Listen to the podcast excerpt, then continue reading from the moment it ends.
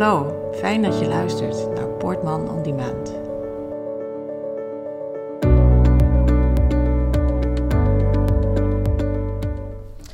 Goedemiddag, welkom in de podcast. Wij gaan het vandaag hebben over een hele nare zaak waar jij bij betrokken bent. Je belde mij op 14 juni, dus dat is nog maar kort geleden, want het was van dit jaar. En toen heb je mij verteld dat je slachtoffer bent van een hele vreselijke verkrachting. En de boodschap die je mij onder andere ook meedeelde was dat de politie daar eigenlijk niks mee deed. Daar gaan we het straks over hebben. Maar ik wil eerst graag van jou weten, wat is er gebeurd en wanneer is het gebeurd? Um, op 31 mei uh, kwam een vriend van mij aan de deur, s'avonds tussen 8 en half 9. Hij was samen met nog twee vrienden, die ik wel ken. En uh, hij vroeg of dat ze binnen mochten komen om iets te drinken. En uh, dat vond ik oké. Ik heb wel gezegd dat ik uh, de volgende dag moest werken. En dat ik het niet te laat wilde maken. En dat was ook prima.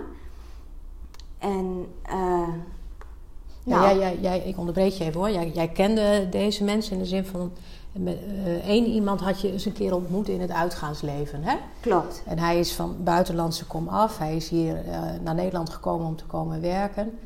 En via hem heb je ook die andere twee mannen ontmoet. Klopt. En je hebt zelfs op een gegeven moment ook hun partners ontmoet. Hè? Die kwamen dan vanuit het buitenland over naar Nederland. En nou, zo vormden jullie bijna een soort vriendengroepje. Mag ik het zo verwoorden? Ja, ja, ja, dat was ook wel zo. Ja, dus jullie waren best close met elkaar. En op, op een gegeven moment kwam die uh, die, nou, ik noem het maar die vriend van jou, uh, wat natuurlijk geen vriend bleek te zijn, maar die kwam met twee andere vrienden die je ook al kende bij jou inderdaad. Gewoon spontaan, nou leuk. Hè? Ja. Dus dan, dan drink je even wat met elkaar. Je gaf aan, ik moet werken morgen. Dus je hebt geen alcohol genuttigd. Klopt.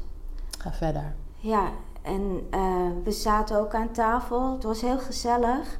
En op een gegeven moment ging ik opstaan om vlees uit de vriezer te halen voor mijn hond toen voelde ik me heel raar. Alsof ik heel snel dronken werd. Ja, terwijl je niks had gedronken. Klopt. Je had een colaatje geloof ik gehad en een ja, en suderans. Ja. En ik, ik dacht van, nou, ik, ik wil gewoon slapen. En dat heb ik ook tegen hun gezegd. Ik heb gevraagd of ze weg wilden gaan, omdat ik wilde slapen. Ja. En eigenlijk weet ik vanaf dat moment niets meer.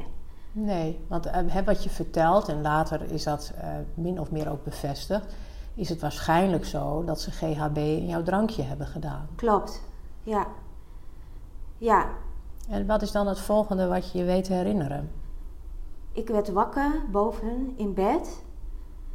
En ik kon mijn lichaam niet bewegen. Ik kon ook niet praten. Nee, je was verlamd als het ware. Ja. ja. En ik hoorde hun wel praten en lachen. En ze kwamen uh, wisselend achter mij liggen en hadden seks met mij. Ja. Ja, en op een gegeven moment werd ik ook gewurgd. En dat voelde zo benauwend, alsof ik stikte. Ja, wat, wat, wat gebeurde er dan? Want je zegt, werd ik gewurgd? Hoe... Hij pakte mijn keel vast en hij drukte zo hard dat ik gewoon geen adem kreeg. Nee. En uiteindelijk weer bewusteloos ben geraakt. Ja. Dus dat weet je nog en je weet dat je werd verkracht. Ja. En, en, en uh, misschien wat raar dat ik dat vraag, omdat je als het ware verlamd was. Voelde je dat toen ook? Of leidde ja. je dat af uit wat je hoorde? Nee, ik heb gevoeld hoe ze seks met me hadden. Ja. En alles, dat ze aan me zaten. Maar ik kon zelf helemaal niets. Nee, je kon niks doen. Nee. Je kon ook niet praten. Nee. Nee. Ik wilde schreeuwen, want ik dacht misschien horen de buren het. Ja. Maar dat kon niet. Nee. En dan? Want je zegt, ik, ik, ik werd gewurgd en ik, waarschijnlijk ben je daardoor weer buiten, buiten kennis geraakt. Klopt. Uh, en, en, wat is het volgende wat je dan herinnert? Dat ik s'morgens wakker word en mijn lichaam weer kan bewegen.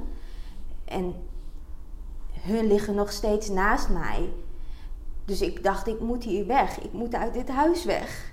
Dus Ja. ik ben heel stilletjes uit bed gegaan. Je lag in je eigen bed. in mijn eigen huis. Was je, had je nog kleren aan of was je ontkleed? Ja, ik was helemaal in mijn naki en ik heb, mijn kleren lagen overal, hun kleren ook. Ik heb mijn kleren gepakt en die heb ik aangedaan. Ik ben naar beneden gegaan. Ik ben met mijn hond het huis uitgevlucht. Ik, eh, ik heb gewandeld. Ja. Ja, want En- dat moet je dan. Hè, Ja. Wat moet je dan? Dan ga je dat overdenken, stel ik mij voor. Wat nu? Ja, wat nu? En wat dacht je Ik- toen? ik was zo in shock dat ik gewoon niet wist wat ik moest. En dat ik dacht van, ja, maar ik heb ze zelf binnengelaten. Mhm. En nu dan? Ja. Dus ik heb een vriendin gebeld. ja. En zij zei dat ik naar de politie moest gaan, maar ik durfde dat niet. Nee. Was je bang dat je niet geloofd werd? Of, Ja, ik dacht het is mijn schuld, want ik heb ze binnengelaten. Ja. En zij, zij bleef maar volhouden, je moet naar de politie gaan. Ja. Ik zei van, nou, ik moet eerst werken. Ik moet eerst weer naar huis, want ik moet werken. Ja. Hoe moet ik dit aan iemand gaan vertellen? Wie gaat mij geloven? Mhm. Ik ben toch weer naar huis gegaan. Ik heb een mes uit de laag gepakt en ik ben naar boven gegaan. Met een mes in je handen. Ja, Ja. ik heb een van hun tegen zijn been aangeschopt en gezegd van... jullie moeten mijn huis uit, ik moet werken. Ja, want die mannen lagen gewoon nog te slapen toen Ja. je binnenkwam. Ja, en ik ben ook weer naar beneden gerend. Mhm. Ze hebben hun kleren aangedaan en beneden gekomen. En ze zijn ook gelijk weggegaan. Ze hebben niks meer gezegd tegen je? Nee, Nee. nee. En toen? Toen ben ik eh, gaan douchen en ik ben naar mijn werk gegaan. Ja. Maar uiteindelijk ging dat steeds slechter en slechter. Dus ik ben ook eerder naar huis gegaan.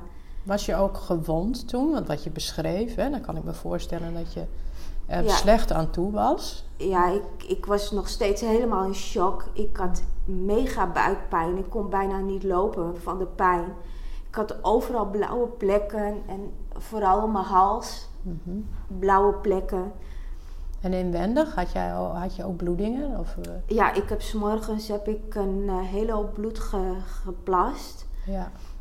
En eh, ja, Dus jij bent eigenlijk in, in, in, in hele slechte doen, fysiek en, en, geestelijk, of, en lichamelijk ook. Ben je, gele- geestelijk en lichamelijk ben jij naar je werk gegaan. klopt.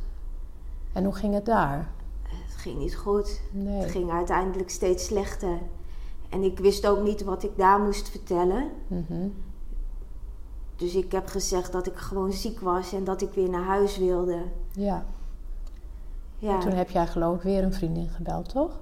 klopt. Bij, toen ik thuis kwam heb ik weer mijn vriendin gebeld die ik s'morgens had gebeld. En zij bleef maar hameren dat ik naar de politie moest. En dat besefte ik toen ook wel. Ja. Dat ik wel iets moest doen. Maar ik durfde niet alleen naar de politie te gaan. Nee. Dus toen heb ik een andere vriendin gebeld. En eh, daar ben ik naartoe gegaan. Ik heb haar het hele verhaal verteld. Mhm. Zij is met mij meegegaan naar het Martini ziekenhuis, naar de doktersdienst. Daar ben ik onderzocht. Ja. En eh, de arts van de doktersdienst die heeft alles in werking gezet. Ja. Eh, met de zedenpolitie gebeld. Ja. En het UMCG gebeld, omdat daar een soort van eh, protocol geldt. Klopt, ja. Ja. Ja. In het geval van een verdenking van een zedenmisdrijf, dan nemen ze een zedenkit af, heet dat. Gaan ze inwendig onderzoek doen, gaan ze kijken of er DNA-sporen zijn. Ja, En ze nemen natuurlijk het, het letsel op wat, wat zichtbaar is. Ja. dat is. Dat is bij jou ook gebeurd, begreep ik van je. Je bent dus in contact gekomen via die arts in het Martini ziekenhuis met de zedenpolitie. Die zijn met je mee geweest naar het UMCG. ja, En daar ben je uitgebreid onderzocht. ja, Ehm, ik, ik heb ook van, de, van het Martini ziekenhuis een eh, verslag gekregen, hè, wat er aan letsel bij jou is geconstateerd. Nou, daar schrik je van. Hè. Dan zie je gewoon Ja. dat eh, er sprake geweest is van eh, zeer gewelddadig handelen. Ehm, daar was het letsel, nou ook wat je zei, bij je halsstreken. Hè. Er zit, zit, gewoon, er zit gewoon handafdrukken zeg maar, daar Ja. en in de lies. En her en der op je lichaam allemaal geweldsporen. En ehm, ja, dan stel ik me voor dat, dat, dat jij aangifte eh, hebt gedaan. Op Ja. de dag, want het was de dag die volgde op de nacht waarin je verkracht bent, hè? dat je bij de politie was. ja. Ik, uh, mij is verteld dat ik eerst een verklaring moest afleggen. En dat ik toen, uh, dat het wettelijk is vastgesteld dat ik bedenktijd moest hebben. Ja. En de zedenpolitie heeft ook met mij afgesproken toen dat ik op 11 juni aangifte kon doen, omdat Pinksteren en zo er ook tussen viel. Dus 11 juni, dan hebben we het over 11 dagen na de verkrachting, de brute verkrachting Klopt. in je eigen huis, in je eigen bed. Ja, Ehm, jij, eh, jij, jij hoort dan dat het te maken heeft met bedenktijd. Nou, Ja. ik heb jou inmiddels verteld dat die bedenktijd, dat het eh, eh, eigenlijk al nooit, dat er eigenlijk al nooit sprake van was in wettelijke zin, maar dat jaren geleden ook naar aanleiding van ehm, commotie die er was ontstaan in verband met een zedenzaak van Rosa Timmer, dat is een columniste van het Dagblad. Eh, die ook geen aangifte kon doen, die ook was gezegd van hè, bedenktijd. Dat de politie toen heeft gezegd van nou, dat is echt nu in ieder geval, dan hebben we het over 2015 van de baan. En iedere zedenregisseur weet ook dat dat niet kan. Je hebt het recht om aangifte te doen.